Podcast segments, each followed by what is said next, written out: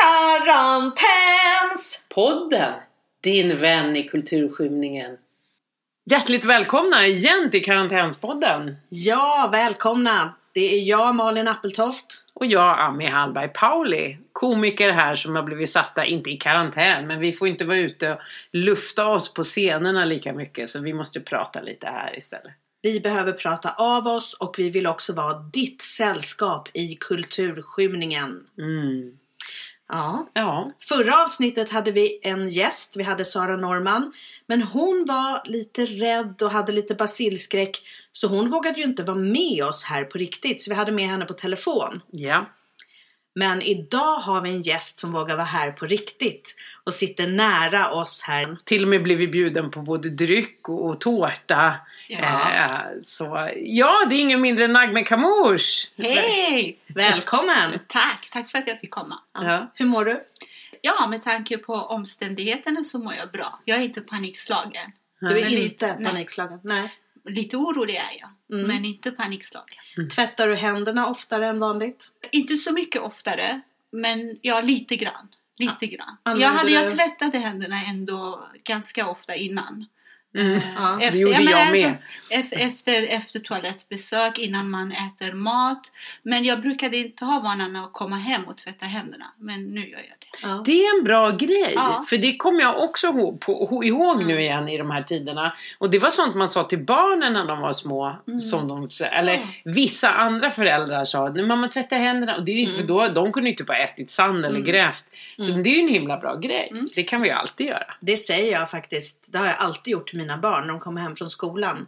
Så säger jag alltid, utan att försöka pracka på dem att de ska få tvångstankar och så. Så säger jag alltid bara, tvätta händerna nu. Nu tvättar vi bort alla bakterier från skolan.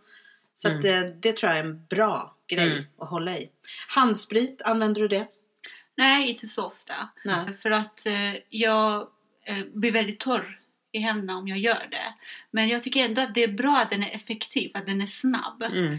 Eh, Så jag förstår att eh, vissa andra gör det. För alla har inte stå, tid att stå och liksom tvätta händerna i 20 sekunder eller sjunga Imse, var det Imse Vimse Spindeln man skulle sjunga? Skulle man? För Ja, det det- tar så lång tid. Ja. Så, så jag förstår att det är effektivt men det passar inte mig. Men du är också, du jobbar ju på en hjärtklinik. Du är ju Ja. gift med en läkare. Ja. Och det är väl så att det är tvålen egentligen som är den viktiga? Ja, det är det viktiga. Men vi har, eh, jag kommer inte i kropp, jag har ingen kroppskontakt med, jag behöver inte göra någon undersökning Mm. på dem. För jag gör mest den administrativa sidan. Mm. Men vi måste ju ha handsprit i receptionen för patienterna innan de kommer in i varje toalett.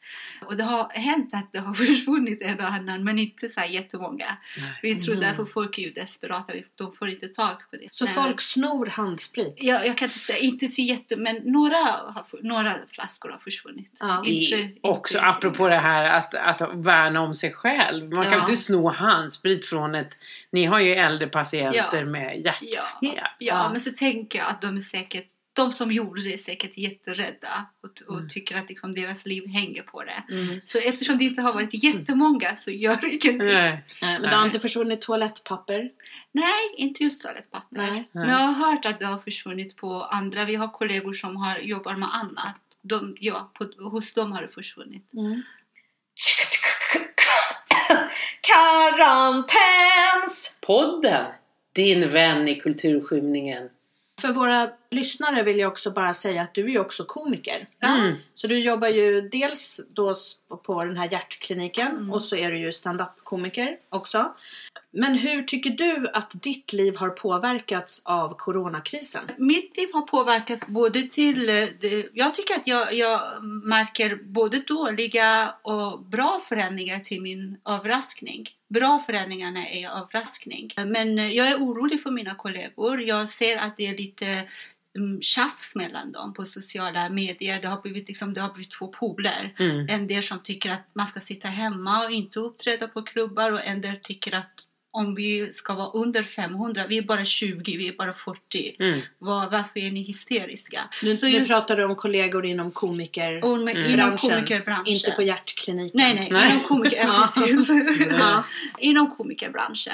Och det är inte trevligt när man märker att tonen börjar bli hård mellan Mm. vissa. Mm. Och vissa dömer andra, vissa vill shamea klubbar. Det är tråkigt när det blir så. så det är en tråkig förändring Mm. bland mina kollegor. Mm. Men sen det som jag märker på väldigt kort tid det är att många har fått lite djupare insikter på så kort tid. Mm. Att eh, många av mina vänner speciellt komikervänner som vi, inte, vi brukade prata och omgås med kanske om allmänna saker, kanske om komedi mest. Mm. Och jag tyckte det var trevligt. Mm. Men nu pratar vi om eh, viktigare saker, allvarligare saker. Mm. Mm. Och det, det, det hade jag saknat. Även i min privatliv tyckte jag att eh, vi är väldigt ambitiösa, vi jobbar väldigt hårt, mina barn studerar väldigt mycket. Men att jag saknade någonting Det är för att de är, har en iransk mamma. Det kan vara, ah, ja, jo. De måste plugga. Nej, Ja, typ, det kan ju, Ja. men det ligger någonting i Ja. det du säger. Men eh, att eh, jag saknade någon stämning från min barndom som hade gått förlorad. Någon connection med min pappa som jag tyckte att jag inte hade med mina barn. Alltså min pappa var väldigt mycket litterär, han var väldigt poetisk. Han eh, var en vägvisare för mig när det Mm. kom till sådana saker. Medan jag tyckte att jag hade inte det med mina barn. De lät mig inte, alltså de hade andra saker som, det är inget fel på det, men jag saknade det. Det Och nu har du fått tillbaks det. Det känns så. Men är det, det att känns vi är så individualistiska i Sverige Ja, så att eh, tidigare har vi inte behövt angå Ja. varandra men nu plötsligt måste vi stå enade, hjälpa Absolut. varandra och hjälpas åt. Och... Helt rätt. Ja, och Ja. jag tänker också att de här sociala medierna, alltså mina barn, de sitter ju bara i sina telefoner. Det är ju där de umgås. Vi kan ju sakna, ibland får vi ju inte till middagar ens. Alltså det här att faktiskt uppfostra sina barn. Det Mm. vill säga att se dem i ansiktet och finnas där. Det är ju, det är ju också en, en generationsfråga. Mm. För när jag var liten, jag var ju, min mamma var ensamstående. Det var ju min stora idol och min lärokälla. Mm. Men jag hade ju ingen telefon att gå till och Mm. kolla på grejer också. Mm. Nej, men då hade man ju sina föräldrars LP-samling, sina föräldrars Ja. bokhylla. Man gick i deras fotspår lite vare sig man ville eller inte. Men det var vi lite inne på i förra programmet också. Och du, Nagme, du var ju med. Du var ju lite min gäst här på Norra Brunn som jag Mm. nämnde då. Att det fanns också ett behov både eh, bland publiken och bland personal och komiker att faktiskt prata om saker. Där kanske man inte pratar om så djupa saker oftast. Men Mm. att man satt, sitter kvar och, och tänker. Och det är ju lite gulligt och hoppfullt för mänskligheten att vi Mm. faktiskt eh, behöver varandra. Vi behöver andra människor. Eh, Ja. Inte bara sina närmaste utan andra att stöta och blöta med. Just det här som med Norra Brunn, Mm. eh, om vi ger det som ett exempel. Alltså det jag, så- för jag har ju varit där i köket några gånger, Mm. inte jättemånga gånger. Och så har jag, hänger jag väldigt mycket med komiker. Just den gången Mm. kan jag säga att det som hände mellan oss, det har jag inte varit med om. Det- för det var människor, för katastrofer gör ändå att våra masker faller. På Mm. något sätt, det är en sanningsfilter. Mm. Att bakom den fastnar alla fasader och lögner och efter den kommer det som är bara sant. För, för vi satt där, hur många var vi? Mm. Ja men Ann, Anna kom också in ibland, Fredrik stod där, Ja. Ann Westin, du. Ja.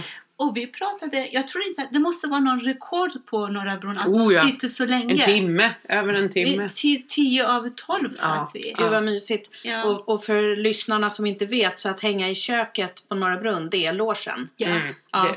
Men Nagme, har du skrivit mycket skämt om Corona? Jag skrev eh, ett och annat. Det gjorde jag. Jag har en av dem, alltså ganska tidigt, jag tror det var två veckor sedan som jag var på någon klubb. Som jag kom på spontant på scen. Mm. Och jag körde det och då såg jag att han som hade klubben hade lagt ut det på Stand Up Forum. Mhm. Men det var ungefär två veckor sedan där jag sa att nu är det extra pris på komiker, särskilt iranska komiker. Ta tre, betala för två. Han Ja. hade lagt ut det där. Ja. Ja, jag, skri- jag går väldigt mycket i coronatankar och det Mm. kommer allvarliga tankar och så också skämt. Ja. Mm. Jag presenterar ju Nagme. Nu har vi, har vi en iransk komiker och kommer lite med lite fräscha basiller Ja. från Iran här. Och Direkt så. från flygplanet. Direkt från flygplanet.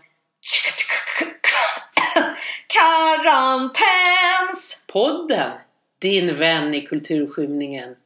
Men du Nagme, att du också har ursprung från Iran eh, gör ju att du också har koll på deras nyhetsrapportering Mm. och hur de förhåller sig till coronakrisen. V- vad kan du berätta för oss om Iran och, och corona just nu? Jag tror att eh, från början, för det finns ju olika tv-kanaler som ger olika bilder beroende på från vilken vy de tittar på det.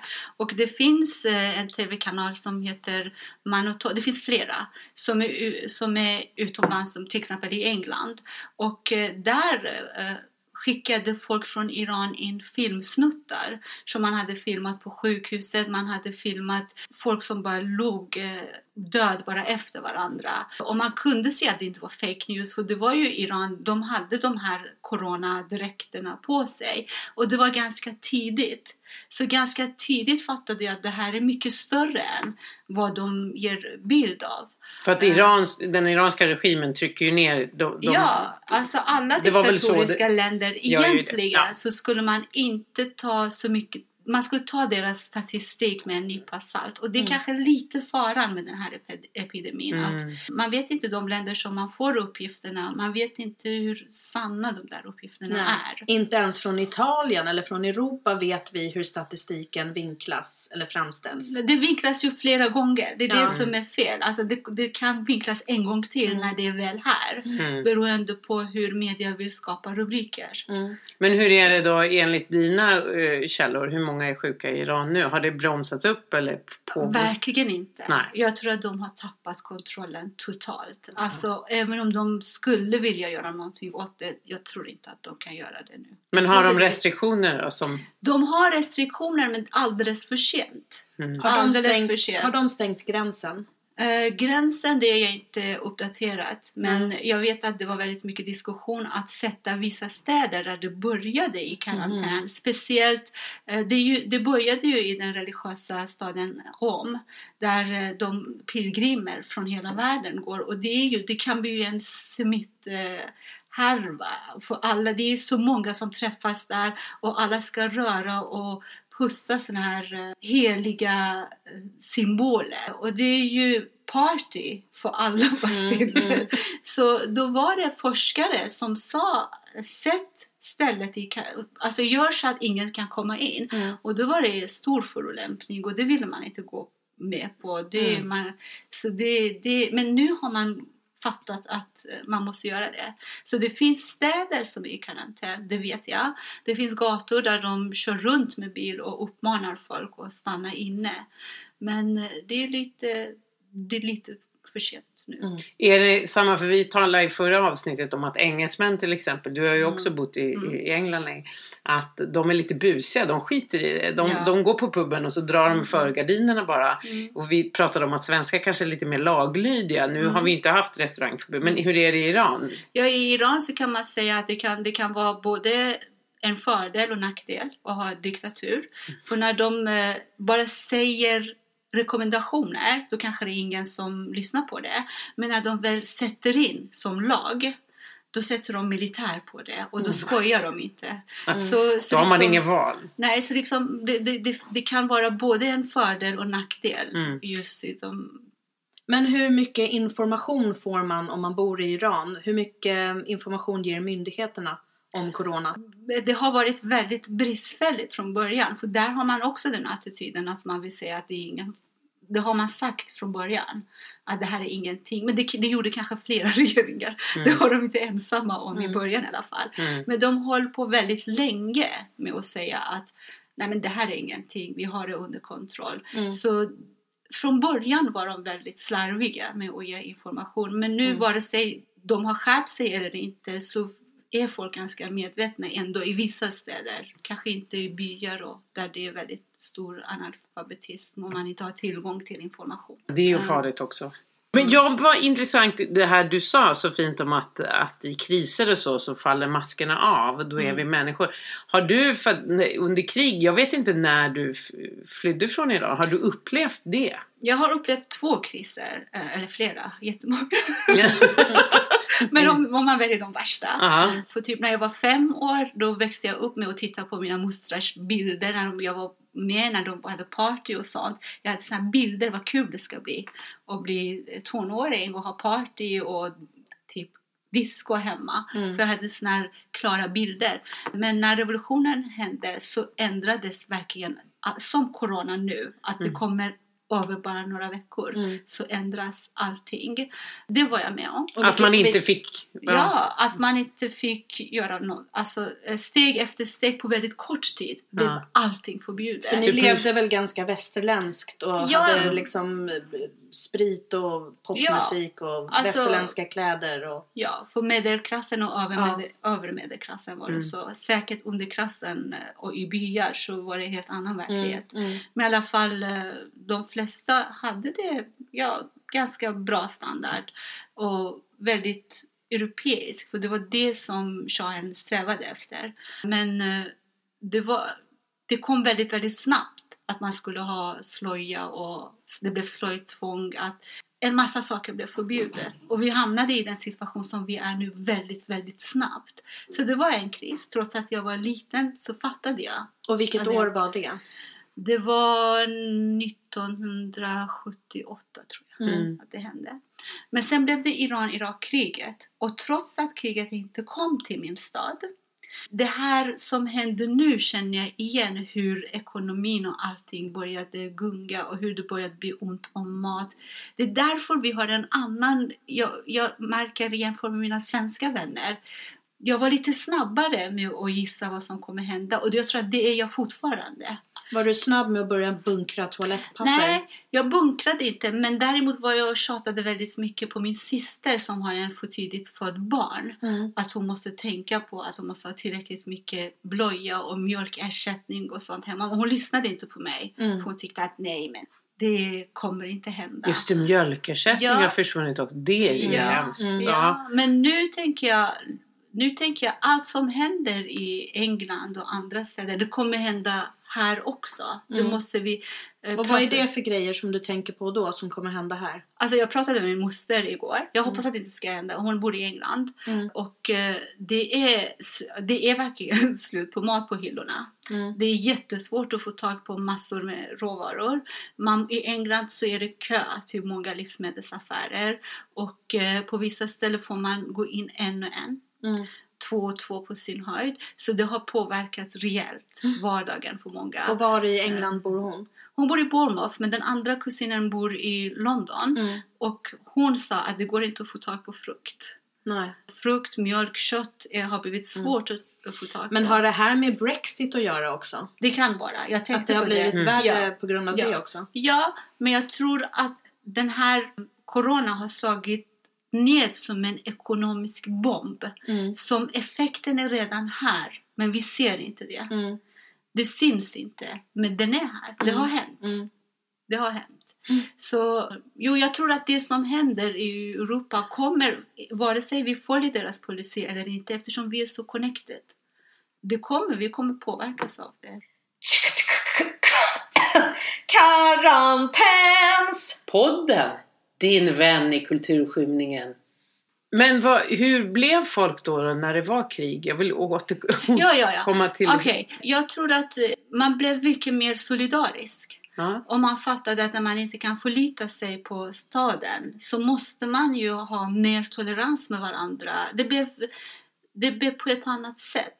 Att man, nu var det mycket mer än bara svält och död. Det blev avrättningar. Det blev, så, så på något annat, närhet på något annat sätt. Det var en närhet som jag sakna, har saknat under alla år som jag har bott i Sverige.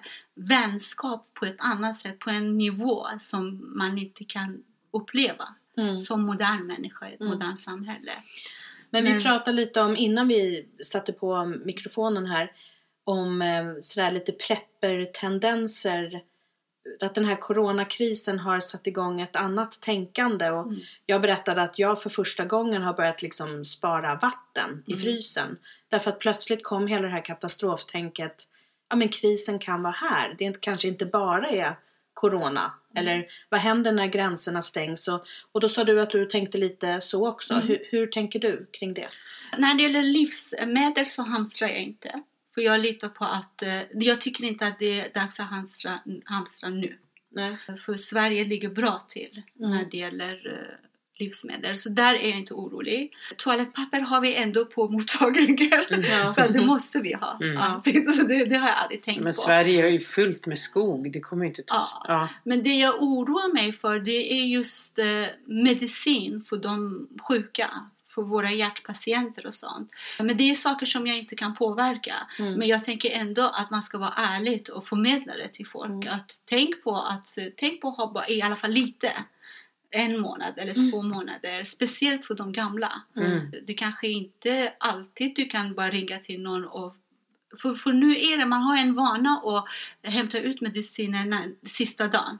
Mm. När man har ätit sista tabletten, då går man dagen efter. ja, så gör jag. Mm. Ja, vi får massor med samtal. Mm. Att, ja, nu, har jag, nu har jag haft sista tabletten, kan ni skriva för imorgon? Mm. Den tänkandet, det kan vara livsfarligt. Mm. Liksom att se till att du åtminstone har två veckors kvar innan du går och hämtar. Mm. Så jag behöver ingen medicin, men det är det, jag är orolig för, eh, ja, för andra människors medicin. Mm. Jag tänkte på det här som vi pratade om att i komikerbranschen så har tonen varit ganska hård på sociala medier. Om vi ska ha klubbarna öppna, om vi ska eh, ha publik och framförallt tycker jag att de engelskspråkiga komikerna är de som vill att man ska stänga ner och sitta hemma och uggla. Och där undrar jag, hur kommer det sig?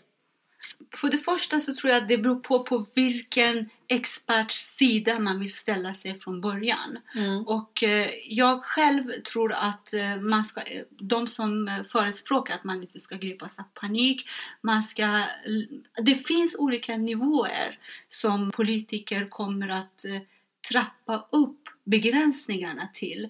Men de kan inte hoppa på sista steget från början. De kommer dit, de kommer även i Sverige kommer de snart säga att stäng restaurangerna, stanna hemma. Men de vill inte göra det nu och det har jag full förståelse för.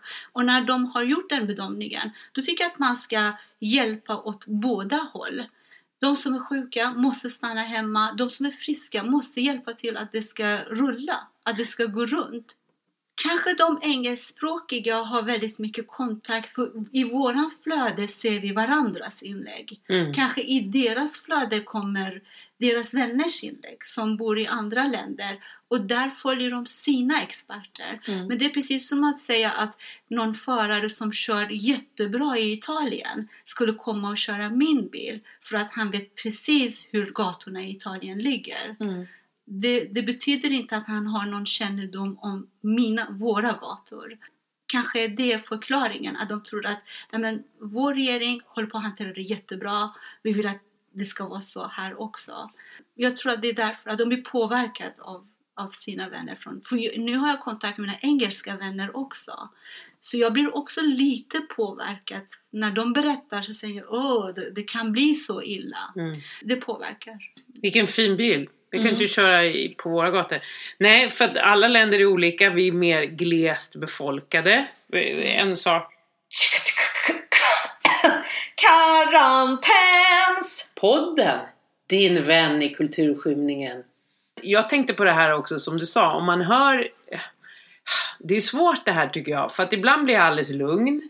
När jag hör ofta svenska experter. Men sen när man kan se hur ska man ja, det är ju ingen som vet riktigt sanningen så att säga. Men det, är det inte farligt också med den här alarmistiska, att, att sprida en, sprida en panik? Jo, alltså det- en onödig panik i alla fall. Mm. Absolut. För själva paniken, alltså det, här, det där paniken kommer döda så många att coronavirus kunde inte ens drömma det i sin värsta fantasi. Nej.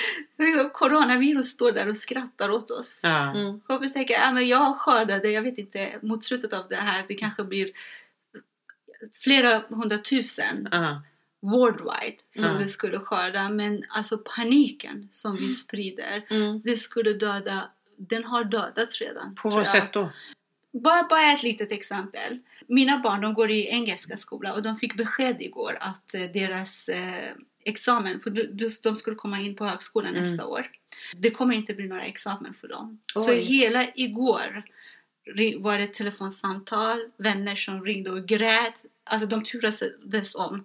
Jag kunde höra köerna trösta och vännen gråta och så en timme sen var det Nicky som grät och kram, så. Mm. Varför de- kan det inte bli examen? Man kan ju ha distansundervisning. Just det inriktning som de går, det är IB och då är alla IB-studenter runt om världen, när de gör examen så skickar de det, det måste bli rättat i Genève. Jag vet inte varför. Mhm. Och Genève har sagt att vi kommer inte rätta dem. Okej. Hur Varför gamla då? är dina döttrar? Hur gamla är de? De är 17 men de skulle gå ut nu. Ja. Och de, skulle, de har redan sökt till högskolan för nästa år. Så just den här ovissheten. Mm. Och alltså mina barn har oss Mm. som står där väldigt stabil och säger att det här spelar ingen roll hur det går, vi kommer klara det. Men jag kunde höra på vissa av de där barnen, de, var- de var helt förstörda. Mm. Alltså självmordbenägna. Mm. Ja, du menar så att det skördar Ja. liv? Ja. Ja. Och det har ju folk skrivit i massa olika texter att arbetslösheten och ovissheten och paniken Och konkurserna. ja, kommer göra att självmorden kommer öka Mm. och ja, folk kanske får också hjärtproblem för att de blir så stressade och, Och depressioner. Ja, Alltså vissa säger att eh, dödligheten för alla som drabbas av corona, det är ju en tjafs om det är halv procent, en procent, två procent. Men det är ingen som säger att det är högre än 6 procent. Okej, det högsta är 6 procent. mm, Men eh, arbetslöshet leder till 20 procent självmord. mm, Mm. Så redan där har vi börjat eh, varsla folk i tiotusental. Mm. Mm. Och 20 procent av dem går runt med självmordstankar mm. och de kommer ta, några kommer ta livet av sig. Hur ska man liksom, göra då? Man måste ju ändå berätta att det är farligt. Jag tror att det som, det är ju farligt, mm. det är det självklart. Men jag tror att det som har skapat lite panik, det är just att man ska just etiskt ta ställning till hur ska man säga till 85 åring att nu får du inte mer vård mm. för vi har inte råd. Men det är första gången som vanligt folk vill ta ställning till det. Men det eh. tänker jag att så måste ju vi ha det varenda det år ja. när det är influensa. Och ja. Jag menar inte att liksom... Folk baggar... över 85 prioriteras ju inte. Nej, jag, Nej. jag tänker så här, Det är inte nytt i vår vård. Nej. Så är det också inom psykvården. Att, Absolut. Eh, en, en man som är 60 år och självmordsbenägen har inte lika stort värde som kanske en 30-årig självmordsbenägen mamma. Ja. Då prioriterar man henne och det ser vi ju gång på gång. Så att Mm. Det är också lite konstigt att just den här etiska aspekten blir så stor just nu. Ja, och det är för att det är vanligt folk som inte har insyn i vården. Mm. De, tror, de har fått för sig kanske att nej men, som samhälle har vi alltid sett till, vadå har vi som äh, samhälle kommit överens om att ingen ska dö någonsin? Alla resurser ska... Ja, det har vi Mm. faktiskt. Om jag Ja. fick bestämma. Ja, Ja. precis. alltså, Mm. vi har inte haft någon sån överenskommelse. Nej, Vi, har, vi har, som samhälle är vi överens om att vi ska ha hög standard på, det kanske är fel, men så har det varit alltid. Mm. Att det ska vara hög levnadsstandard, det ska vara hög materiell standard och gamla och sjuka ska inte kosta samhället hur mycket som helst. Plötsligt vill folk låtsas att nej, så är det inte alls. Mm. Vi har alltid varit överens att vi offrar allt. Mm. För att, eh, nej men det var inte så. Det sa ju min mamma, fast hon är ju eh, 70 plus eh, bara och, och eh, kärnfrisk. Men hon sa att det är lite humbug det här, för det är ju faktiskt redan så att, att jag menar, hon har ju bortprioriterats ibland för saker Mm. Eh, redan nu. Så, så det är ju inte... Nej. Men I vården har vi, det är inte ovanligt att man ha, har ett samtal med patienter att Mm. ja, du skulle behöva ha en pacemaker men du kommer inte få det eftersom Mm. enligt den och den stadgan så får du inte det eftersom Nej. du är för gammal. Ja. Och det är inte så att folk sitter och gråter. Nej, de fattar de, det. de fattar. Ja. De vet att, Men det är också tror jag väldigt svenskt för att vi har en bild av oss fortfarande att vi arbetar och betalar skatt hela våra liv och då har vi rätt Mm. att ha bra vård och, och njuta av ålderdomen. Mm. Så Vilket det- vore ju underbart, naturligtvis. Det vill jag också göra. Ja. Det är inte så att man ska lägga sig ner och dö, men ja. Ni vet ju att det finns hur mycket ungdomar som helst med självskadebeteende, med självmordstankar. Vi har inte bestämt att vi gör allt. Vi säljer hus, hem, allting. De ska räddas. Det, det vore Mm. jättebra om vi gjorde det. Mm. Men vi, är inte, vi, vi har inte gjort det. Vi har inte kommit överens om det. Bra, bra perspektiv Nagme. Skönt. Jag tänker att den här coronakrisen kanske gör att vi faktiskt har ett yttre hot att vara rädda för och ha ångest för på riktigt. Det kanske också gör att de som mår dåligt i vanliga fall mår bättre plötsligt. För att det finns Mm. ett reellt hot. Mm. Slänger jag ur mig som en hobbypsykolog. Mm. Men, Nej men det är sant. Det är ju så. Det ser jag redan på vissa av mina komikerkollegor som jag inte lade märke till så mycket förut eftersom vi kände inte varandra nu.